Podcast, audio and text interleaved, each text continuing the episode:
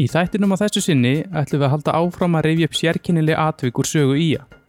Á þessu sinni skoðum við umtilda innáskiptingu frá 1958, dómarleikin fræga 1992 og bjarnamarkið svo einhvað sem nefnt. Það er fastegnarsalan Valfell sem býður upp á þáttina þessu sinni. Ég heiti Björn Þó Björnsson, um taknabálsi Snorri Krislisson, verið velkomin um borð í skagarhalistina.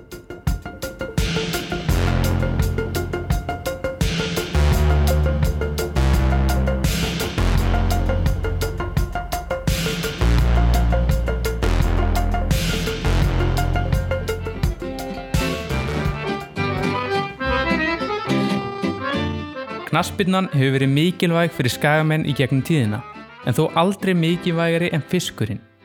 Skagamenn hafa einu sinni dreigi liðsitt úr Íslasmóti. Þetta var á þriðja tímabili Skagans í Íslasmóti árið 1948. Skagin hafi kæft tvo leiki, gegn Fram sem tapaðist 3-1 og annan gegn Val sem tapaðist 3-0. Þetta var á þeim árum sem henni svokvöldu faksaflóasíld var mókað upp áttu skamin erfitt með að manna liðið setnir hluta móts vegna þess að stór hluti leikmanna var á síldarskipum. Hvort slæmt gengi upphafi hafi auðveldað þessa ákvörðun eða ekki, veit ég ekki. En menn þurftu bara að vinna. Síldin vóð þingra en boltin.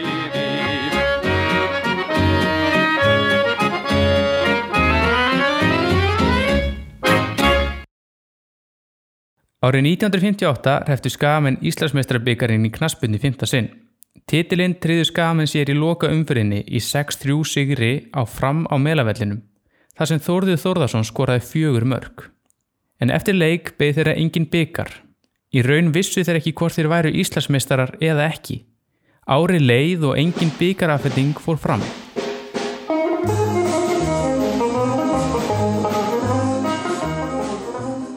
Bæjarblæðir 22. april 1959. Knatsbyrnumenn Ía endurheimta Íslandsbyggarinn. Stjórn KSI kom meðan hingað. En svo kunnugt er bara Ía sigur úr bítum í Íslandsmótun í knatsbyrnu síðastlið sumar í fymta skipti.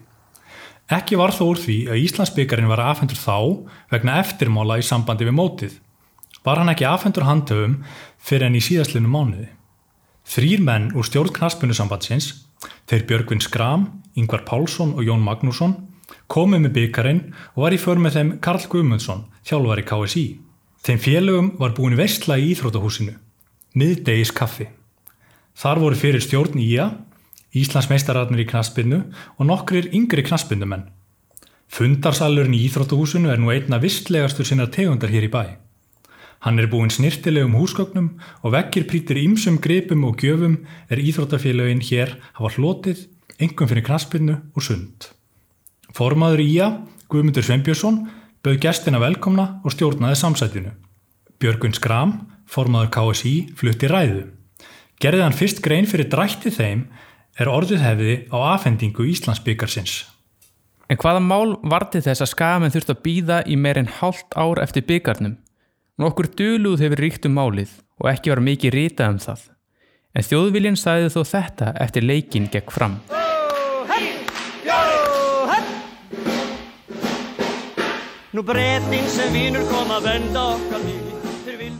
Þjóðvilin 2. september 1958 Akranes varð Íslandsmeistari Þess má lokum geta að fyrir mun leggja kæra á leik þar sem Akranes er annar aðili og falli dómur gegn Akranesi getur stigatalan breyst Akranesi í óhag. Er raunar furðulegt að ekki skuli vera búið að dæma í því máli ef kæran hefur komið fram. Eðlilegast hefði verið að gera það áður en mótinu laug. Dómur í máli þessu getur líka haft áhrif á það hvort fram og hafnarfjörður leiki auka leik um réttin til að leika í fyrstu deild næsta ár. Við gefumst aldrei upp á móti blási, á Íslandi við getum verið kongar allir einn. Tiplaða var að tánum í kringum málið og hefur það mestu verið varðveitt í munnmælum og að mér vitandi er aðeins ritað um það í bókinni Skagamenn skoruðu mörkin. Flesti sem koma að leiknum eru nú látnir, en þó ekki allir og ég heyrði fyrrum leikmanni Ía sem rak fyrir mig söguna eins og hann myndi. Sagan sem ég byggja á er því út frá því sem til er á reyti bland við þar munlegu heimildir sem ég aflæði mér. Skagamenn leikur sinn fyrsta leik í Íslasmótinu 1958, þann 17. júni. Ía leik þá gegn liði IPH frá Hafnafyrði og er leikurinn merkilegu fyrir nokkra sækir. Leikurinn fór 3-1 fyrir Skagan og skoraði Þórðið Þórðarsson öll mörg Skagamanna en Mark Hafverðinga skoraði Albert Guðmundsson. Þetta var síðasta tímabil Alberts á ferlinum og þótti hann bera af á vellinum í leiknum. Og þarna mættust þeir í síðasta sinna á vellinum. Fyrstu knaspinu heitur Íslands, ef svo má segja. Albert Guðmundsson og Ríkardur Jónsson. En það var ekki spilameska Alberts, Þórðar eða Ríkar sem stál senunni í þessum leik. Heldur var það inn á skipting skamanna undir lok fyrriháleiks. Í þá daga mátt ekki skipta leikmanni inn á nema sá sem færi út að veri mittur og gæti ekki haldi leik áfram. Skamenn höfðu ákveði fyrir leik að viðbúið væri að gerði yfir ákveðin breyting. Í hýta leiksins hafði hún runnið mönnum úr minni og þegar koma henni var smá reykistefna innan lið skagamanna og þegar búið var að koma skilabóðunum til leikmannsins sem fara átti út af hafði hann glemt því að gera sér upp meðsli, að haldra út af. Hafferingarnir komu auga á þetta og örðu að vonum allt annað en sáttir. Þegar leiknum laug var Evald Mikksson, fadir Alla Eðvaldssonar, kallaði til en hann var nuttar og sjúkarþjálfari sem rakk stofu um meðlavöll. Ekki líku fyrir hvort það voru dómarar leiksins eða haffyringarnir sem vildu kalla Mikksson til, en ástafmun hafi verið svo að kanna átti hvort um raunveruleg meðsl væri að ræða eða ekki. Ekkir kom úr þeirri skoðun. Haffyringarnir kerðu málið. Það fór svo að haffyringar töpuðu málunu. Það sem reyði úslitum í málunu var vottorð sem læknir á Akarnesi gaf út laungu eftir leikin. Það sem votta var um að leikmaðurinn hafi þjáðst að höfuverk þennan dag í júni. Sennilega hefur lítið verið hægt að deila um vottorðið og því var skamunum afhendur Íslandsmeistarabíkarinn í gamla íþróttahúsinu við laugabraut 15. mars árið 1959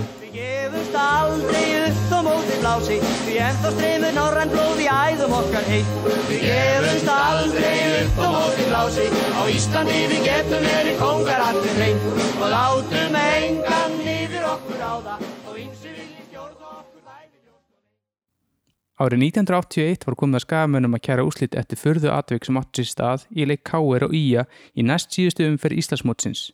Skafamenn voru baráttum Íslandsmestrartitill en K.R.inga börðust fyrir lífi sínum dildinni. Skamen spiluði betri leik en töpuð 2-1 eftir Mark Káer úr umdeldri vítaspyrnu á loka mínútu leiksins. Mikill æsingu var í leiknum og svo virðist vera sem dómari leiksins, Viljámi Þóru Viljámsson, hafi mist tökin. Þegar tvær mínútu voru eftir á leiknum ætluði Káeringar að gera breytingu á liði sínu. Óskar Ingemyndarsson fór út af og inná kom Alli Þór Hjeðinsson. Viljámi dómari hafði ekki gefið leifi fyrir skiptingunni og bráð því á það ráð að gefa Óskar Ingemyndarsinni raukt spjald. En svo knaspinuleg hveð áum átti káringa því að spila manni færri þar sem eftir var. En svo var ekki. Þrátt fyrir að Viljámur hafi gefið Óskari raukt spjald lefði hann alla að koma inn á og spila síðustu mínúturnar. Það var því jamt í liðum allan leikin. Við skulum gefa Bjarnafél orðið.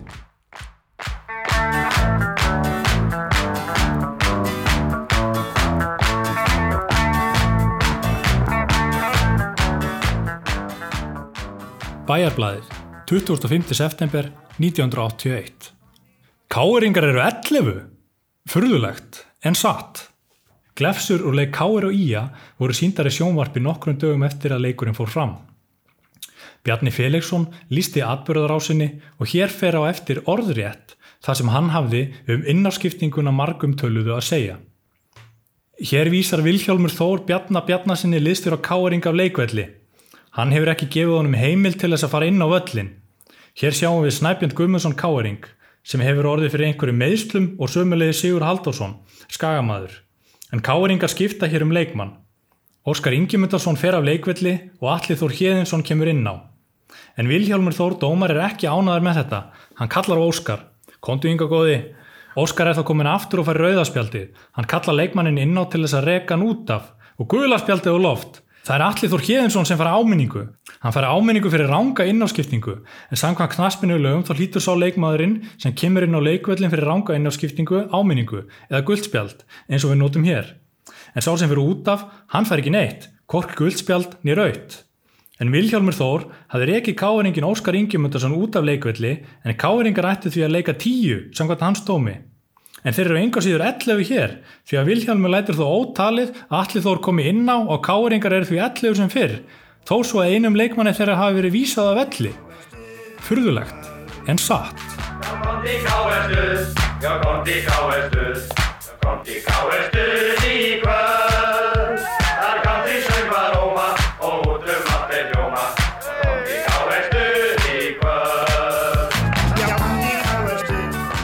Óskar var dæmdur í þryggjarleikja bann. Mistök voru viðkend en samt stóðu leikurinn. Þrátt fyrir ólöglega framkvæmt. Hefði káringum verið dæmdur ósigur í þessum leik hefðu þeir fallið niður um deilt. Eflust hefur það haft einhvað að segja þegar ákvörðunum var tekin. Að senda eftir stórveldi niður með dómsúrskurði.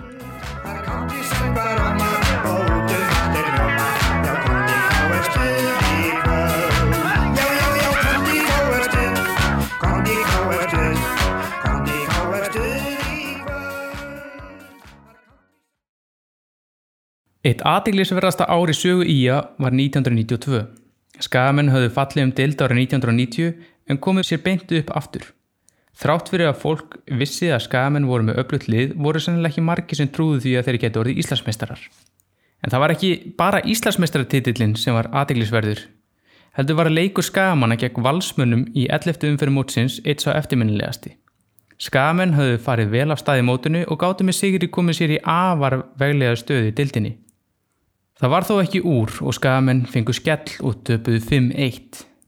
En það var ekki þetta stóra tap sem rætt var um eftir leik. Were you trying to get crazy with this, eh?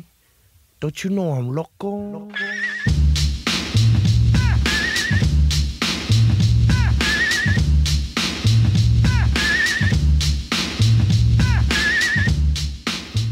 Morgunblæði, 8. ágúst 1992 Af og frá að lög hafi verið brotin, segir Heimir Karlsson um falda hljóðnemann á dómaranum í leik Vals og Ía. Heimir Karlsson, formaður Íþróttadeildar stöðvar 2, segir það af og frá að fjarskiptalög hafi verið brotin þegar falin hljóðnemi var notaður til að taka upp samtöl dómara við leikmenn í leik Ía og Vals og þau síðan send út í Íþróttaþætti stöðvar 2. Hann segir að þeir hafi fengið heimil til þess að fela hljóðnema á dómaranum hjá stjórn KSI og það væri ekki í verkaring stöðar 2 að upplýsa aðaldafélag KSI um samþyktir stjórnar sambandsins. Á stjórnarfundi KSI 23. júli síðastliðin var ákveðið að heimila í nokkrum leikim upptöku þar sem dómari bæri falin hljóðnema.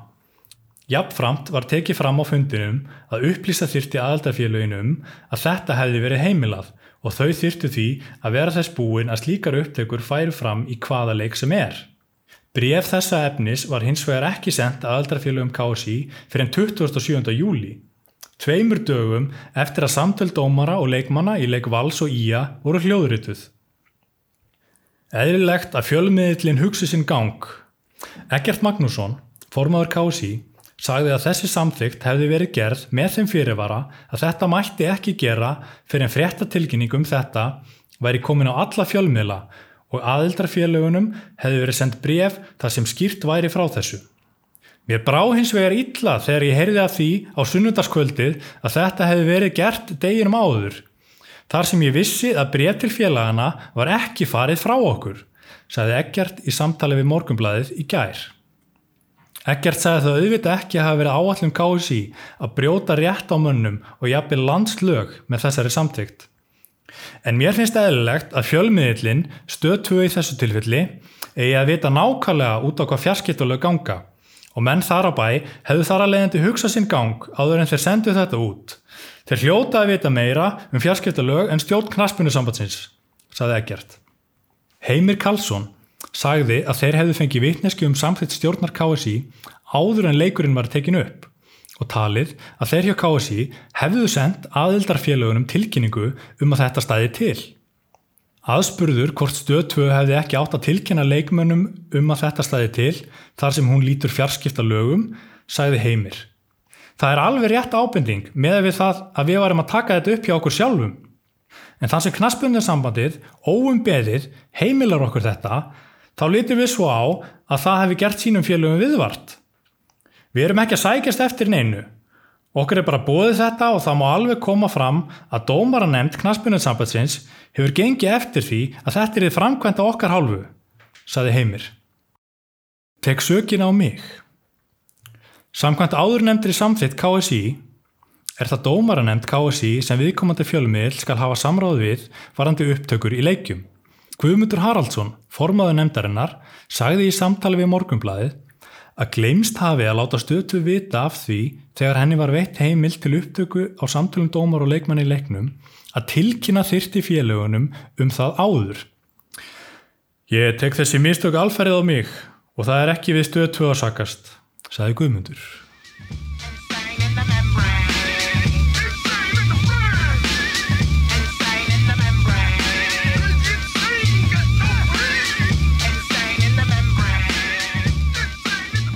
Leikurinn er margfrægur og allir nextana almennings. Annarkvort nexlaðist fólk á orðbræði leikmanna sem þótti miðurfallegt eða að falinn hafi verið hljóðnumi á dómaraleiksins án vitunda leikmanna. En saman hvað mönnum þótti er afar skemmt þetta reyfi upp ímislegt sem látið var falla nú 28 árum síðar.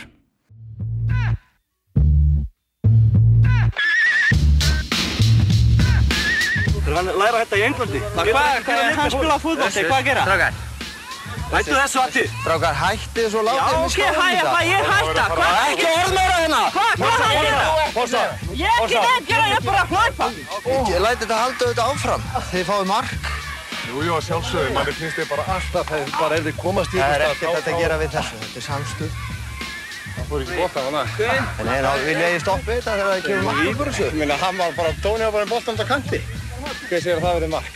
Ég var að segja að þetta var ekki brotið, þetta er bara samstuð. Sættum okkur í markið. Já, ok, það er gott. Gaman að heyra.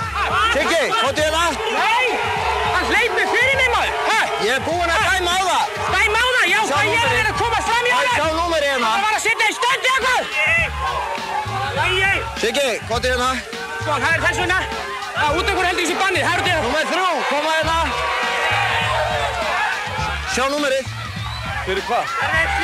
koma hérna. Sjá númerið. Fyrir hvað? Númer þrjú. Ég vil ekki sjá þetta hérna. Hvað? Burtu svo. Hvað? Reynið að spila fótbolta hérna, strákar.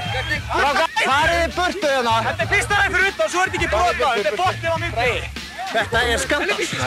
Þetta er skandal. Sævar, þú voru að hafa þína skoðanir á þessu burtu, strákar. Skoðan. Þú voru að horfa aðeins lengur, hann er boltanum. Vittis, er þetta? Þessi dómar, hvað er þetta eiginlega? Sigurður, passaði þú ert komið í guldspjald hérna. Það skjálta mér þetta. Já. Og svo, Hvað er að gerast hérna? Hvað? Óli, Hvað er að gerast? Hæ? Það hindur hún að vera Hérna. guldspjald.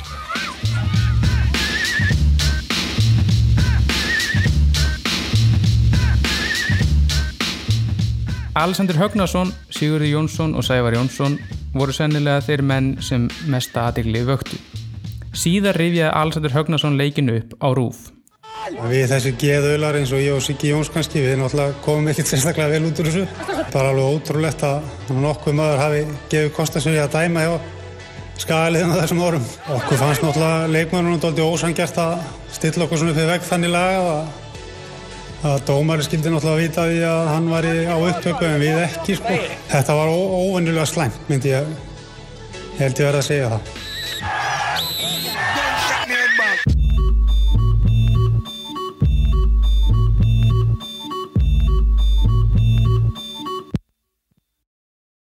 Með tilkomi samfélagsmiðla hafa ummæli knaspinnumanna æ oftar orðið að fréttaefni og komið þeim í vandræði.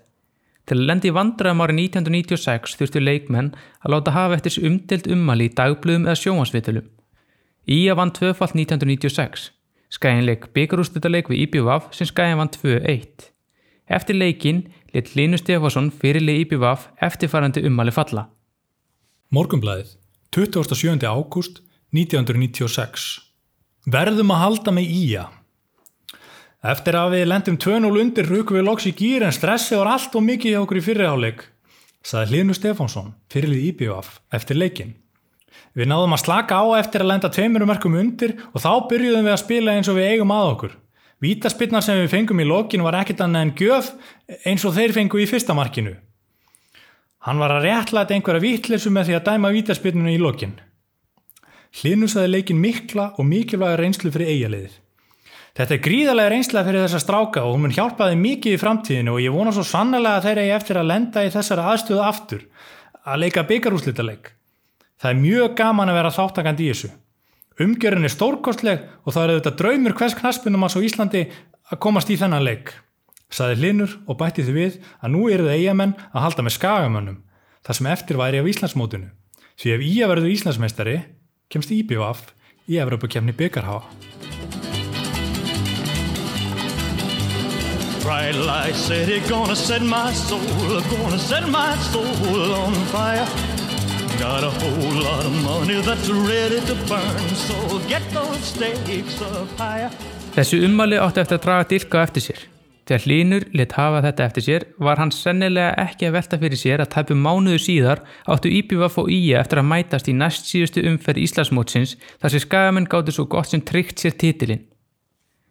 Um viku eftir ummalinn byrtist lesendabref í morgunblæðinu þar sem saði meðal annars. Þetta er í fyrsta skipti sem er reyku minni til að framfyrir leikur í fyrstu deild Karla þar sem leikmenn begja leiða og þeir sem að þeim standa halda með öðru liðinu. Samhljóma kór, vesmaneyinga og skagamanna á eftir að hljóma um heimægi, áfram skagamenn og fleira í þeim dúr. Brefinu lauk með orðunum aðtöðandi er fyrir stuðlastjóra íslenska geturuna og lengjunar að þetta er fyrsti leikurinn á lengjunni þar sem allir halda með öðru liðinu, líka leikmenn begja liða og hljótu við því að sjá netstuður og sigur íbjöfafi leiknum sem einungi skæti orðið að veruleika fyrir algjöra slisni gegn vilja begja liða. Hvort máttu lesendapressis hafi verið mikill er óljóst en starfsmenn lenginar virðast hafa verið að huga að svipum hlutum. They're all living, the devil may care, and I am just a devil with love to spare. So viva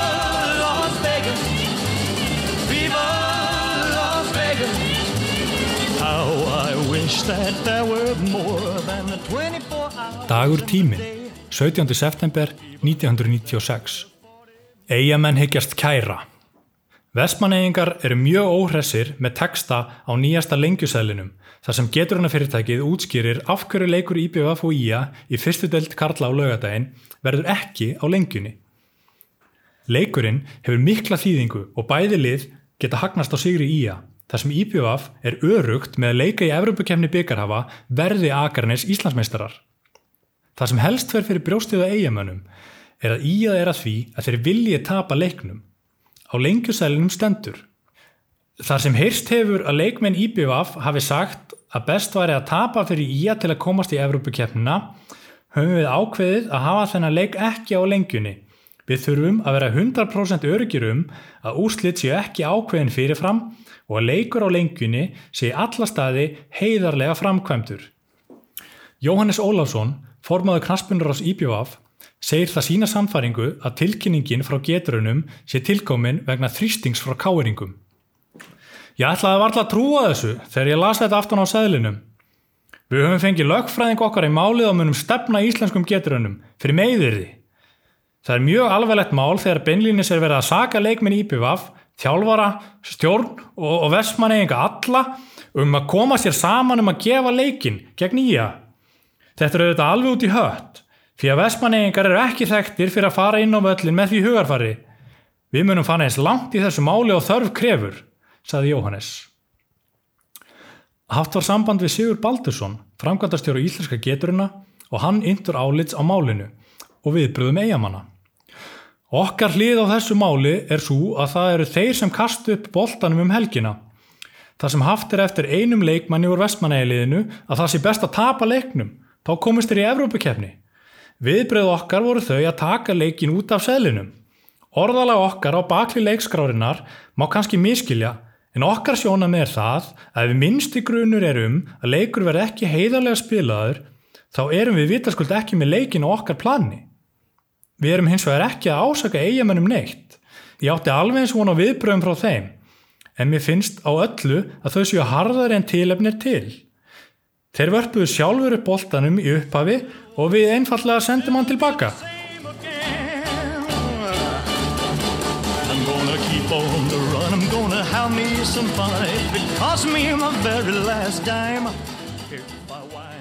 Það er ekki hægt að segja að lengjan hafi gert skagamennum nokkur greiða með þessu máli. IBVF vann leikinn 3-2 og Hlynur Stefánsson átti glimrandi leik. En í ljósi sögunar var það hitt besta mál, því allir vita hvernig lokaleikur þessa ás var.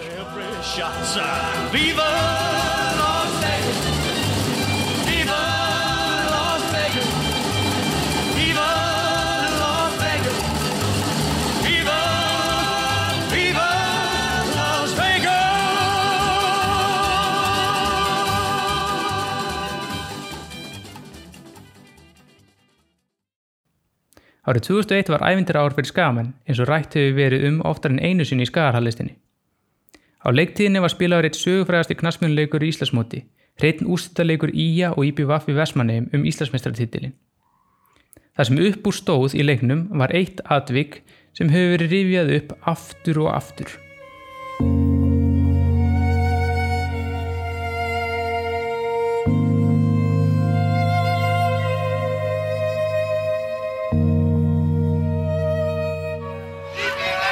Og já, braut hann á Baldri Aðalsteinsinni heyrðu. Nú við. Já, hvað var að þessu í raun og veru? Sturlaugur var búinn að taka aukaspilnuna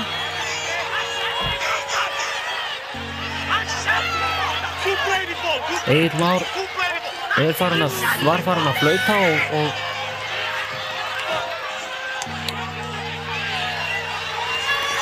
Nei, nei, hann bendi bara á flautuna, hann var ekki búinn að flauta en Sturlaugur er greinilega að taka aukaspilnuna eða hvað? Eða eiga menn okkur eftir að deila um þetta á næstu dögum Þar fara þær yfir málinn Tómas Ingi og En þrátt fyrir öll þessi ár, þar sem mikið hefur verið bladrað um atvikið, hefur engin enn spurt leikmannin sjálfan, Sturlaug Haraldsson, hvað honum gekk til.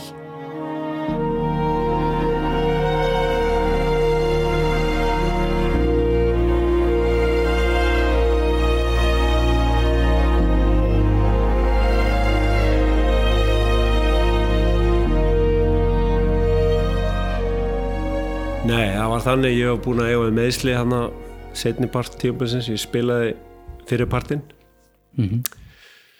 síðan meiðist ég hann í, í baki, var reynda búinn að vera að ströggla með baki á mér hann árun undan og missi af eiginlega alveg setni hluta mótsins og var búinn að vera frá þess að segja, alltaf ekki verið sjö vikur var reyni búinn að reyna að halda mér standi bara á þrekjóli já. einn sem búinn að gera þannig að að ég gæti svo sem ekki reikna með endilega að vera í hópnum hann í, í síðasta leiknum. Nei. og Ólaf var búinn að segja mér Óli Þórað þjálfari hann var búinn að segja mér svona rúmri, rúmri viku fyrir leikin að hann hérna, reiknaði ekki með ég er í hópnum en hann er áhugað að ég kæmi með.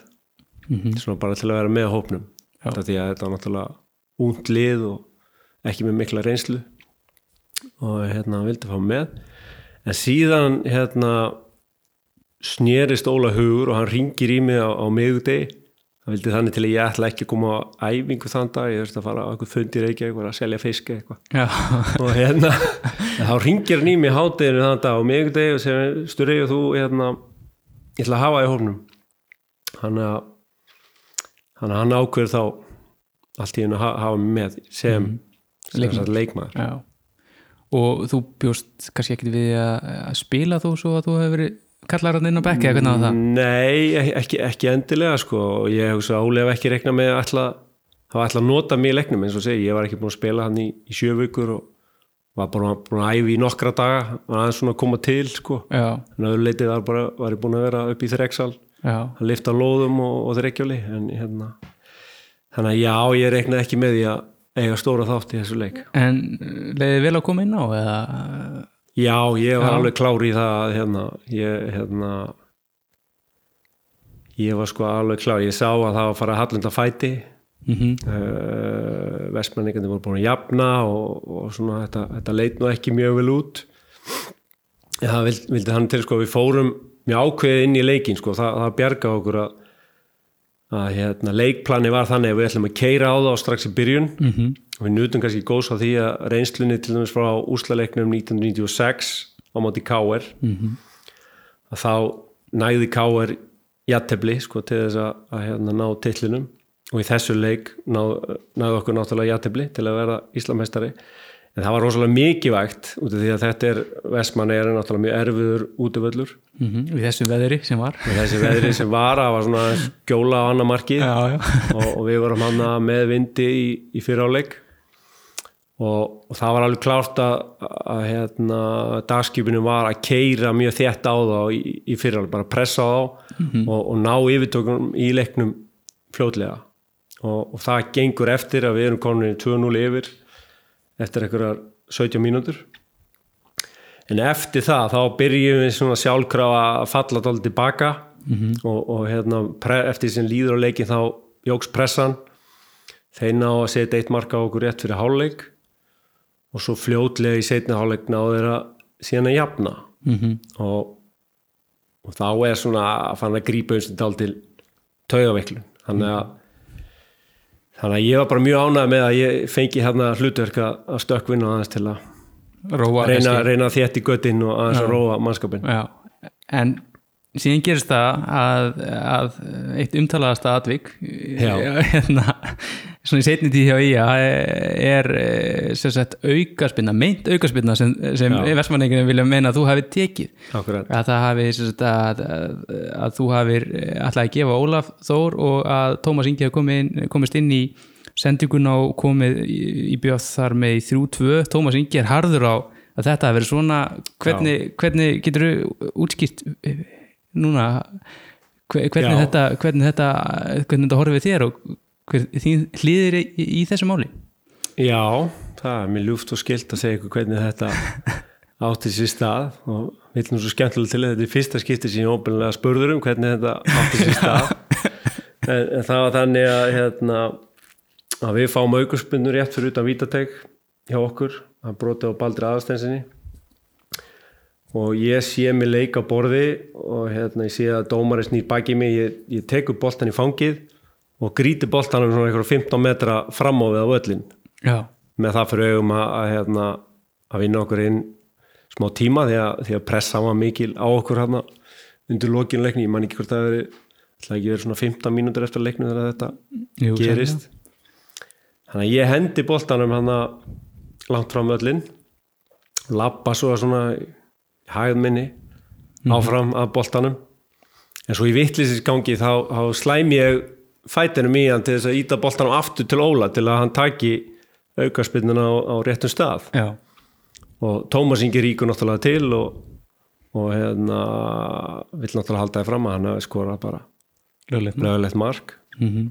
en hérna en það var sérstaklega línuverðurinn held ég sem að, sem að var alveg með á nótunum sá, sá hvað hefði gerst ég held að Egil Markusson sem var Egil Már Markusson sem var dómar í þessu leik ég held að hann ekki séð nákvæmlega hvað hafði farið fram hann þannig að þannig að hann svona Egil gjóur augunum að línuverðunum og, og hérna og það verðist aldrei ekki að vera neitt mafi á þeim að þeir, þeir hérna náttúrulega dæma þetta ógilt því að það átt að taka aukspinn á réttum stað og En fóraldur um þig?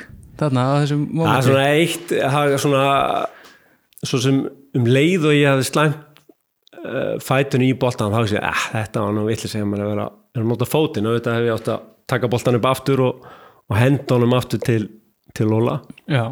þannig að ég gerir mig grein fyrir þessu skota að þetta var kannski ekki mjög skynsalegt Já, og það var, var ennþá ekki búin að segja að færa boltan eða, eða þannig. Nei, nei, nei, það var ekki, ekkit svoleið sko. Nei. En hérna svo náttúrulega fór aðeins um mann hérna um einhverja 2-3 sekundur með hann að ég ætla að gera upp hugsin en, en, en, en það verðist ekki vera svona eitt mafi og, og svo þér- var ekkit meir úr þess sem betur fer En það sem vakti fyrir þér var að tefja leikinn í raun og veru þegar, þegar, þegar, þegar brotið á baldri og þú kasta boltanum fram.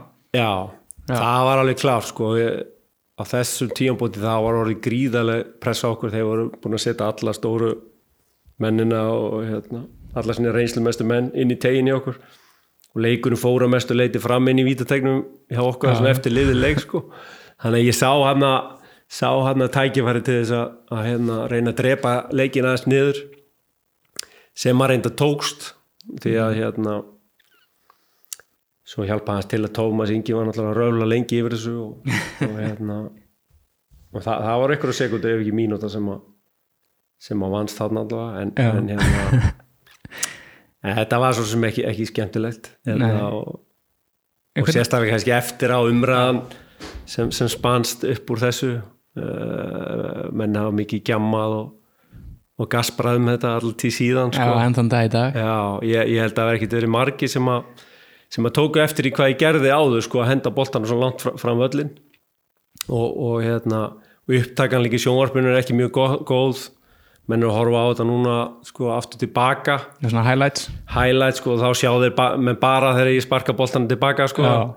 og menn sjá ekki aðdragandan þegar ég hendi boltanum fram öllin Já, þannig að hérna þannig að ég held að þetta hafi verið dramatísir enn meira eftir því sem frá líður sko, hérna, þannig að það menn, menn sjá ekki alla sögun í þessu sko. en þannig að þetta er fyllt þér svona svolítið Já. þetta atvik og hvernig, hvernig E- segir eftirleik var til dæmis eins og Tómas Ingi var hann Já. mjög reyður eftirleik eða IBF hérna, leikmennir og, og síðan eins og ég segi fram á daginn í dag hefur þetta bara fyllt þér ég, ég tók nú ekki eftir hvað viðbröð Vestmanneika við náttúrulega gleðin í okkur var svo mikið Já, að við vorum ekkert að spá í Vestmanneika og alveg saman það sko. En hérna en, eh, en maður hefur heyrt að, að þetta hefur lengi blundað í Tómas Inga og þetta jáðra við þráhyggju sko. ég hitt hann á einhverju pólumóti núna fyrir tveimur og þreimur árum sko þar sem að hann uppveðraðist allur þeirra sá mig sko. Já. og hérna þá kom þetta einmitt til tals en hérna en í mínu huga var þetta aldrei, aldrei spurning sko að, að, hérna, að þetta var, að átti aldrei að, að, að standa sko. En hann er kannski pínu leðilegt að, að hérna, eins og fallegur og sætur þessi Íslandsmestartitill var að það er eitthvað svona smá skuggi á þessu atviki sem hérna, menn draga upp já, já, mér þótti það alltaf að, mjög leiðilegt Já. þótti það leiðileg bæði gagvart liðinu og, og mér sjálfum. Já. leiðileg þessi umræða alltaf en, en hérna en það er alveg klárt að taka auðvitað réttu stað. Já, það er árið.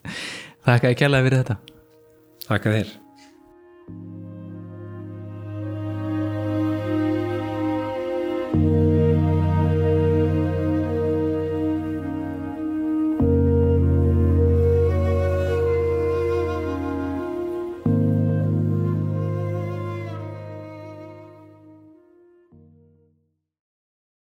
Eitt frægasta augnablík í íslenski knaspinu á þessari öld átti sér stað á Akransvelli árið 2007 í leik Ía og Keflavíkur. Bjarnamarkið svo kallaða, þegar Bjarni Guðjónsson skoraði stór glæslegt mark sem treyði skagamönnum sigur í toppslag í dildinni. En markið var umdilt, vægasagt og sennilega hefur Bjarni allatíð óskað þess að þessi bolti hefði aldrei farið í markið. Einn af leikmönnum Ía þessum merkilega leik var Andri Júliusson. Andri Júliusson, það hefur sjaldan verið jafn mikill hýta millir tveikja liða á Íslandi eins og Ía og Keflavíkur árin 2006 og 2007 getur, mannstu hvernig þetta byrjaði? Þetta voru, voru hýta leikir árin á ári undan marki sem við ætlum kannski að ræða þeirra eftir en 2006 Já, akkurat. Að það er hérna 2006 tímabilið. Að þá er svona viss hiti. Það er hérna ég veit svo sem það var alltaf eitthvað svona smá smá gergja í að kepla ekki svo getur vel verið að hérna, eitthvað eitt aðtök hafi bara blossa það upp eða, en þá var hérna þá var Hjörstur mitt að spila og, og Mette og þetta fræga kastljósmál þeirra. Já, já, já, já hérna- leikurinn, já, skagamenn voru mættir í kastljós bara vegna eh, hérna dilna Já, það fór hérna Hjörtur svona fór aðeins fram úr sig þar. Já. og hérna eins, og eins Guðmundur Meti hann var mjög erfiður Já. erfiður anstæðingur hann hérna eins og hefur komið fram að hann átti alveg til að, vera orðljótur og, og klípa og sparka og, og eins og margir hafa verið en, en, Mhm. en ekkert allir taka eftir sko Nei, en það var líka þarna í sagt, leiknum þar á undan sagt, þetta var held ég byggarleikur ef ef mann rétt Já. og leiknum undan þá hafði líka Guðmundur Meti fengið rautt spjald var ekki eftir ja, hérna, Jú. eitthvað, voru þið ekki að klásta eitthvað? Jú, ég er svo sem, ég man ekki alveg nákvæmlega í hvor leiknum það var Nei, Var það, var það, það var, það var e, í ég er ekki með það ég hefði eitthvað hvort það var í keflavík hvort hann var komið með spjald og þá Já. erum við bara eins og skamenn og, og ég og Hjörtur og fleiri sem að espum í þeim sko Mhm. og, og, og henda bara með því að missur hausinn og... tala um hálstak eða eitthvað svo Já, eða, þú veist, eitthvað svona rifið eitthvað í mig og, og ég örglega hent mér niður eða eitthvað já, sko. já. þannig að hann, hann hefur átt að skilið Já, en eh, síðan 2007 mætast liðin í, í fyrirumfyrðinni og þá verður þessi frægi leikur. Ég velti fyrir mér fyrir hana leik og bara svona og fyrir marki líka. Var einhver, var einhver spenna þá á milli liðana var, var spennust í hátt fyrir leik eða inn á vellinum fyrir? Nei, ég man ekki til þess sko. þetta var óskup venjuleg, óskup venjuleg leikur sko. gott ef þeir voru ekki á toppnum Já, er, er þetta tímabili sem við missa Já, hérna titilinn úr höndunum? Uh, nei, Nei, nei, þetta er ekki það Þeir eru á toppnum hérna, gott ef þetta er ekki síðasti leikurinn í fyrri umferðinni Já, Þeir eru á toppnum og, og hérna blíða á skaganum og, Mm. og, og hérna svo var einhver svona ágreiningur í leiknum þeir vildu meina að annar útlendingurinn okkar væri að dífa sér og alls konar svona. Já, þannig að á einhverjum tímabótni punktið að þá bara blossaði upp einhver geður ekki sem að við komum kannski betur inn á. Já er, þannig að það er svona eitthvað svona smá svona spenna og eins og segir að búið að vera spenna eitthvað svona eh, kannski árinu undan þess að bara alltaf eitthvað Já. aðeins í eins og leikjum. Já. en síðan gerist þetta atvik bara svo leiður okkur hans í gegnum að hvað, hvað er það sem gerist? Hva, hvers vegna er þetta svo umdelt mark og, Já, og sko, fyrir mér horfir þetta þannig að ég þeir kannski með það hvort ég komi inn á fljótlega í fyrr, í seitnáleiknum já, og þá þá er 1-0 fyrir okkur. Og leikurinn búin að vera þannig að hérna, þegar einhver meiðist að þá er boltanum sparkað út af. Mhm. og liði fær boltan og ég, gott að það er ekki Bjarni sem að þrjumar honum bara aftur fyrir endumörk það er nefnilega svo ég vil meina það. Já, svo ég segi það að þá hérna að því það verið að rifja þess að leiki upp um daginn. Já. ég hafa hérna stöðu sport og COVID og allt þetta. Mhm. að hafa ekki sínt allan leikin bara svona klippur og svona. Mhm. að því ég veit að Bjarni er búin að gera þetta tvís og þrísvar í leiknum. Já. Áður en þetta gerist. Að dundra hann svona já, að þrjum honum bara í markspinnu og gott ef keflíkingarnir gera ekki líka í eitt skipti. Mhm. og svo hérna kemur að því að, að akkurat hann Viego Svadomovic, hann meiðist. Mhm. og þeir sparka boltanum út af. Ég tek einkastið Mhm. og heyri bara út undan mér hérna hægra með við mig, geða hann og bjarna geða hann og bjarna já, og það er náttúrulega bara eitt sem stjórna því og Já, ég já. þór ekki, ekki öðru. Þannig að gefa bara bjarna og bjarni hérna tekur töts með mann í bakinu og svo hættir pressan. Mhm. og hérna Bjarni tekur annan töts og, og svo bara sjenkar hann yfir markmanni. Geggja mar já, frá, bara eitt flottast mark sem ég sé. En ég vil meina það að þetta hafi verið ólendi Já. og að stend bara á því. Á því bara frá því þetta gerðist sko. já, að hann hafi ekki alltaf að gera þetta. En, en hvað hugsaðu þú sérð bara boltin er Já. á leiðinni í netið? Ég er náttúrulega sko eins og ég segi ef að leikurinn hefði verið síndur allur að þá sem betur fyrir kemur myndafélin á mig og ég tek bara um hausinn. Já, og bara shit, þetta var ekki gerast. Nei. Og hérna og næsta sem ég sé að þeir bara hrúast að bjarna. Já, bara inni króan. Mhm. ég hérna hugsa ekkit annað en bara að passa upp á minn mann. Já, þú ert fyrstur á er svæði fyrstur á svæði og, og ég 68 kíló með, með hérna, skólatösku hendi meti í burtu og svona reyna að draga bjarna aðeins frá. Já, fyrsta sem ég heyri bara, láttu mig vera láttu mig vera, láttu hann klípa mig og láttu hann berja mig og, og ég veit ekki hvað sem að Bjarni vildi fá þá til þess að hérna reakta og, og mögulega fá spjöld já út á já, það sko. Já, en ég einhvern veginn hlust ekki á hann og ít honum og, og, og sem betur fyrr. Já. Þakka ég fyrir það í dag Átni Tór og með okkur í liði hann var nú heldur betur skrokkur. Já, og hann kemur þarna inn í og sjallar þetta allt saman og ítir okkur í, og bara hendir hinum í burtu bara eins og eins og ekkert hérna, væri sjálfsæðara Mhm. Og það er nefnilega til frábær mynd á netinu þar sem að ég það sést í bakið á mér já, með svona sjö keflíkinga í kring. Og það sem sést ekki er að ég held í bjarna og Átni Tór er svona að passa alla, þú veist, í kringum okkur, já, það er alveg frábært sko. en þannig að þetta hefur verið þú hefur verið svona í svona nettu í- þegar þetta gerist. Uh, hvað hvað er svona það næsta sem, sem gerist er eh, kemur það alltaf til umræðu að, að gefa það mark til dæmis Jú, sko þegar þetta er aðeins farið að róast og hérna dómarinn og er eitthvað að róa þá bæði keflingingan á bekknum að þá tek ég eftir því að Bjarni fyrir til pappa síns, Gauja Mhm. og spyr hann hvort að við hefum ekki gefað þeim mark Já. að því þetta, hann vissi, upp, hann vissi að þetta var óvart og og Gauji, hann held nú ekki Nei, það var bara skýrt Já, og það var bara með að hvernig þeir ég, ég ætla ekki að vera algjörlega hlutræður í þessu en Nei. auðvita brjálast þeir við svona mark Mhm. og með að hvernig þeir höguðu sér og skiljanlega Mhm. að þá vildi Gauji ekki gefa mark Nei, út af að það voru svona ofsafengi viðbröð já, já. ef að hérna, þeir hefðu bara staðið og, og sagt bara, herðu, slís gefið mark, að þá hugsa ég að þetta hefði verið þannig að við höfum bara sendt boltan tilbaka og, og einni gegn og skora mark sko, en hann hjælt nú ekki sko. Komnir í 2-0 Já. og hérna og þarna var það eiginlega bara var það eiginlega bara allt vitlaust sko.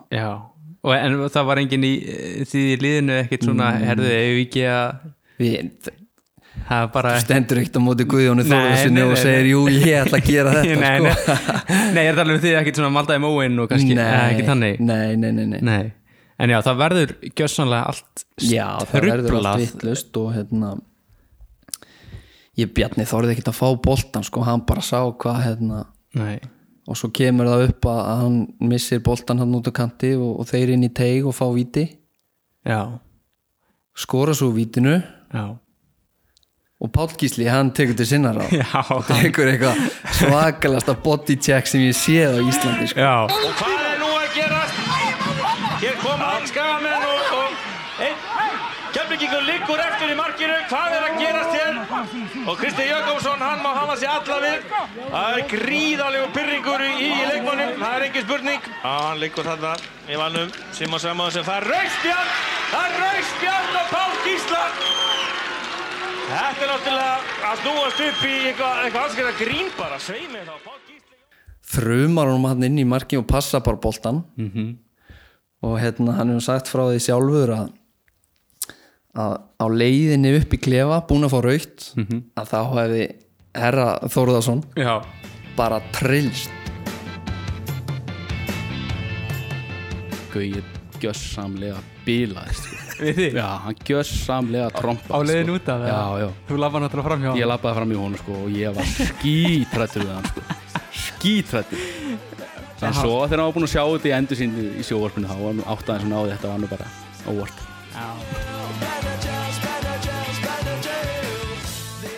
En þá kemur líka sko inn á ekki ansi ungur.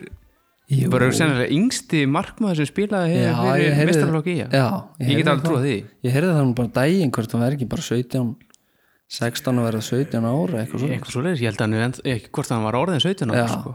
Vel, vel peppar sko, með kassan úti og, og hérna, hann var hel sáttu með þetta að fengi að koma inn á og, hjælt treyna sem eftir leiks. Já. ég veit nú ekki hvernig þeir jafna er, Nei, ekki Nei, þeir munin, í- munin mjög seint í leiknum Já. held ég, held að það sé bara það eru 8000 á mínútur já, sko.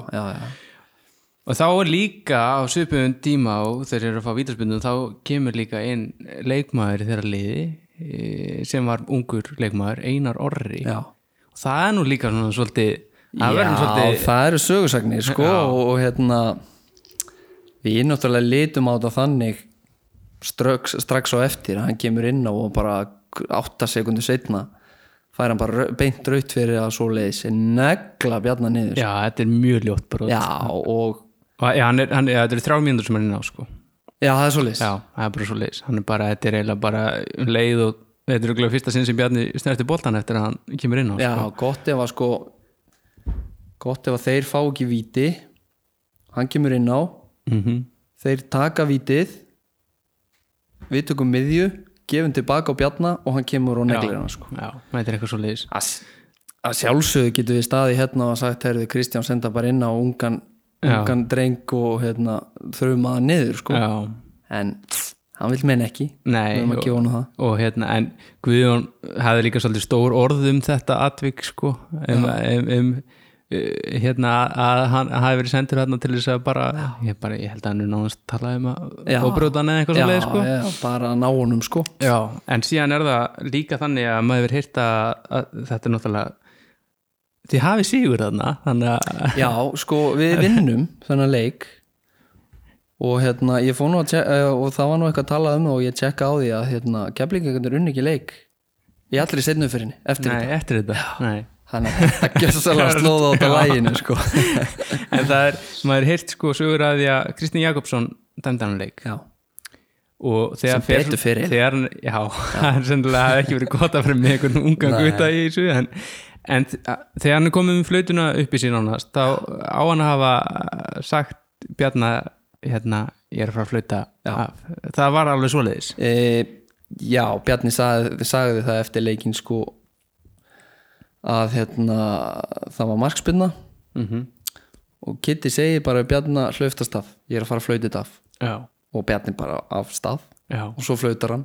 Og svo bara gerist eitthvað sem að það er lítið fagnað þessu sigri eftir leik. Já, það er það sko því að það, það bara gerist eitthvað sem að verður bara gjössalega styrla Átni sagði reyndar hérna í Vitali fyrir að minna að það hefur eitt leikmaður sem hefur farið Já. og, fagnað áhverjum og það hefur verið trösti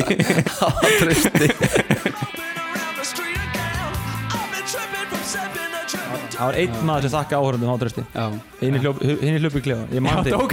Já, Þegar hann klappaði fyrir áhörðum að. Já, ég mamma svo pappi í stúkunni og svona Já. Það var bara styrjaldar ástand mamma menn hlaupandi hann upp í klefa alveg kolvillu sinni Stendur traust út í stúk og klappa. Þetta var præslega stæmi sko. Eftir svona þá að þá var, var maður ekkit í þessu sko Nei, nei En uh, Strollan fyrir bara, bara fyrir Já. á eftir Bjarnar Hvað hva er það sem sko- gerist þarna í kjölfarið? uh, ég sé sé Bjarnar hlaupa og hérna og horfi bara eftir boltanum í markspinnunni og, og ég, þannig ég næ ekki alveg að það hlaupa allir á eftir hún strax Nei þannig að svona þegar að liðið komi upp í vallarhús og svona Mhm. og hérna ég var myndi að tala við Arnamár í dag og hann var á bekknum og hann saði að Gauja hafa sagt bara á eftir honum strax, allir. Og á þessu vídeo sést nefnilega sko allir Guðjóns. Já. sá alltaf að passa bróði sinn sko. Hann bara á setna hundra þannig það hérna, verður einhver reikistefnaðan uppi. Og þegar ég hleyp á stað og er komin upp að þá er Bjarni búin að læsa sér bara inn í klefa. Og þar kemst bara enginn inn. Hann bara eitt þá þar Já. já. Og hérna það negla allir á hörðina og, og það hérna Keflíkingarnir þá Já. já. og Átni Tór og, og Alli og allir þessi strákar, stóru og sterkur strákar þeir hérna bara passa upp á fólkarni í kring og, og hérna þeir komast aldrei inn nema við það er opnað fyrir okkur skagamunum sko Mhm. og næsta sem ég veit að við bara förum í sturtu og, og allt í góðu og hérna, jú, jú, það er spjallað og, og næsta sem ég veit að þá kemur löggan inn okay. og lögregla kemur inn og hérna herru, þið er ekki að fara neitt þið verðið bara hérna í svona 20 mínútur hálftíma, allir klættir og búin í sturtu og að þá hérna, það það bara býður lið eftir ykkur hérna út á bílastæði Stuðnismenn eða leikmenn eða eitthvað? stuðnismenn kemur ykkur ég held nú að leikmennir hafi ekki það var ekkert Nei. neitt eftirmálar eftir því sko. nei, nei. Er hérna bara rétt á meðan á eftir bjarna og aðeins inn í klefa og svo fara þeir bara inn í sín klefa og hérna Mhm. þannig að við bara ég er 22 ára.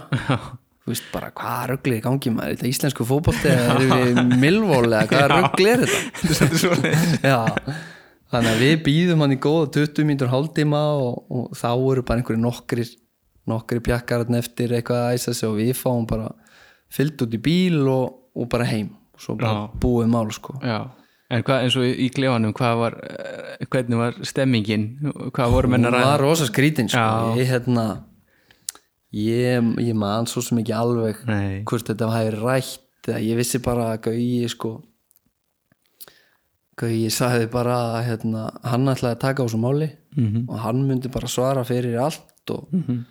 gott ef hann fór ekki viðtal bara og, eftir þetta Hann og fleiri en Gauji Já. Skagamenn sem voru í viðtal hann og Helgi Björn fór í viðtal það er nú bara að spila þetta viðtal við Helga Björn Ég held við heyrum það bara núna Þetta er náttúrulega, að vera óvilja verk. Ég meina, hann ætlar að gefa boltan aftur. Ég meina, getur, getur þetta ekki skrifað sem mistök á markmann? Ég meina, mistök verið fótboll það. Ég held að það liggi nokkuð ljóst fyrir. Hvað hérna, heldur Helgi hefði verið að hugsa ég veit ekki hvað hann hefur að spá sko.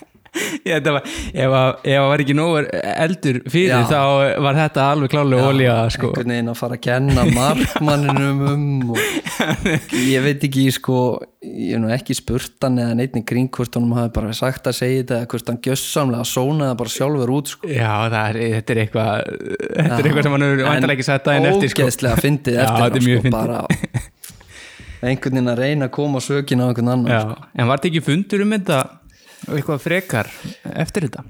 Nei, nei, það var svo sem ekki ekki neitt sko, Nei. ekki mikið jú, jú, það var náttúrulega talað um þetta út um allt eftir á. Já, já, fjölmjöla fár og svakalegt og það var enn eitt, það var sko Kastljós viðtal í að kepla ekki árið undan og það hirti og, og Guðmundi Meti Já. Anna Kastljós Já, var það? bara, Já, ég, ég er alveg nokkuð vissum að Bjarni, var Bjarni í því? Já. Bjarni held ég og Gauji, mér finnst eins og þeirra einhvern veginn báðir verið allan í einhverju svoleiðis Já, já. En núna, eh, fyrst að þú efast um það þá ætla ég nú ekki að staðfesta en Nei, ég er nokk ég, ég man það allavega ekki sko. minnir allavega að Já. Bjarni hafi farið það getur verið og hann hefur örgulega bara upp á sitt einstæmi hérna beðist afsökunar og snúið sig einhvern veginn út úr því sko mér fannst Bjarni koma mjög vel út úr allri umræði eftir á Já. þó náttúrulega sé þetta setja, og eins og margir gera setja spurningamerki við skotið sjálft sko Mhm. en þá fannst mér að koma mjög vel út úr því sko Já, þannig að og, og, og hérna mm, svona í kjölfarið það var náttúrulega mikið fjölmjöla fár og allt þetta því leik, náttúrulega setni umferða leikin við keflæk náðu menn bara að halda sér rólegum Eh, þar allir eða hvernig, hvernig var stemmingin í þeim leik? Já, sko, það var nefnilega fyrir leik var einhver umræða að hérna, þeir ætlaði ekki að taka hendina á bjarna. Já. fyrir leikin þegar við stundum okkur upp og þá var einhver umræða og þá segi Gauði bara ef að þeir gera það ekki þá löpa bara, bara allir í burtu. Já. E- að því að Bjarni er fyrstur Mhm. og ef þið taki ekki hendina á honum að þá bara löpa allir aðrir í burtu Mhm. og ég man ég byrjaði hana leik og hérna gott ef að e, hann hérna e, Jónas Sæfas ekki fyrirlið á hinnum og það var svona eins og hann ætlaði ekki að taka í hendina á honum Mhm. þannig að við bara svona ok, allir í burtu Mhm. og svo einhvern veginn, "Ah, ok, ok, ok tökum við og þá var línan tekin sko. Þannig að það var eins og þeir ætlaði að gera þetta Já. en hafi hætt við bara á síðustu stundu sko. okay. og sá leikur var sko síðastur í síðastur í deildinni og var svaka leikur sko, gott hann fyrir ekki þrjú þrjú eða Jú. fjögur fjögur Þrjú, þrjú. þrjú, þrjú já. Já. alveg grenjandi rigning völlurinn rennandi blöytun sem bauð upp á tæklinga sko en svo einhvern veginn uh, var það aldrei neitt Nei, menn ekkert sem ekki Nei. Nei. alls ekki sko og, og það var, var engin svona frekar eftirmáli við Keflavík eftir þetta ár þannig að Nei. nei. um, Nei, svo sem ekki sko við náttúrulega, við föllum náttúrulega árið eftir Mhm. þannig að við mættum þeim tvisvar það árið Mhm. og aldrei neitt aldrei neitt þessu líkt sko nei, nei, nei, nei. en svona heldur að menn hafi eftir þetta uh, hugsað já, það hefði nú kannski bara verið best að gefa þeim markið. Já, er það ekki? Já. hefði það ekki verið meika mest sens Já. ég hugsa það sko. En þegar upp í staðið er þetta náttúrulega markið sem tryggjar okkur í Európusæti sko. Já, já. Það var Við förum í- stórkortlegt mark í þókabót Já, þú sér það, við erum komin hérna 13 árum setna, við erum ennþá að tala um já, það, sko. já, þetta er eins og ég ótt tala um þetta er fallegasta mark sem ég man eftir að er upp, hérna á Akransvelli sko. Það er bara það er það sko. Það er það sko. En ég held að við höfum þetta ekki lengra bara þakka ekki alveg fyrir. Já, takk fyrir mig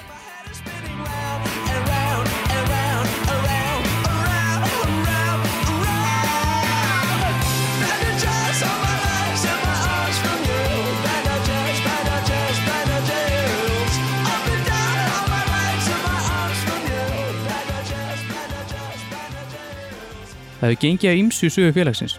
Við segjum þó staðan umið og er skarhaleistinn komin að endastöð, að sinni í það minnsta. Umsjónamaður þáttarins í Björn Þór Björnsson, um tæknimál sé Snorri Gríslisson, þölu þáttarins er Kristján Gauti Karlsson. Sérstaklega þakkir fá Heiðar Mar og Heiðrun Hámyndadóttir. Ég vil fá að þakka stýrstaraðalum þáttarins í ár kærlega fyrir aðstofuna en það voru fyrirtækin fastegnasalan Hákott, Íslandsbanki á Akranissi, Ílur Pípulagnir, Gamla Kaupilagið, Akraborg og fastegnasalan Valfell. Ég þakka samfélgina, veriði sæl.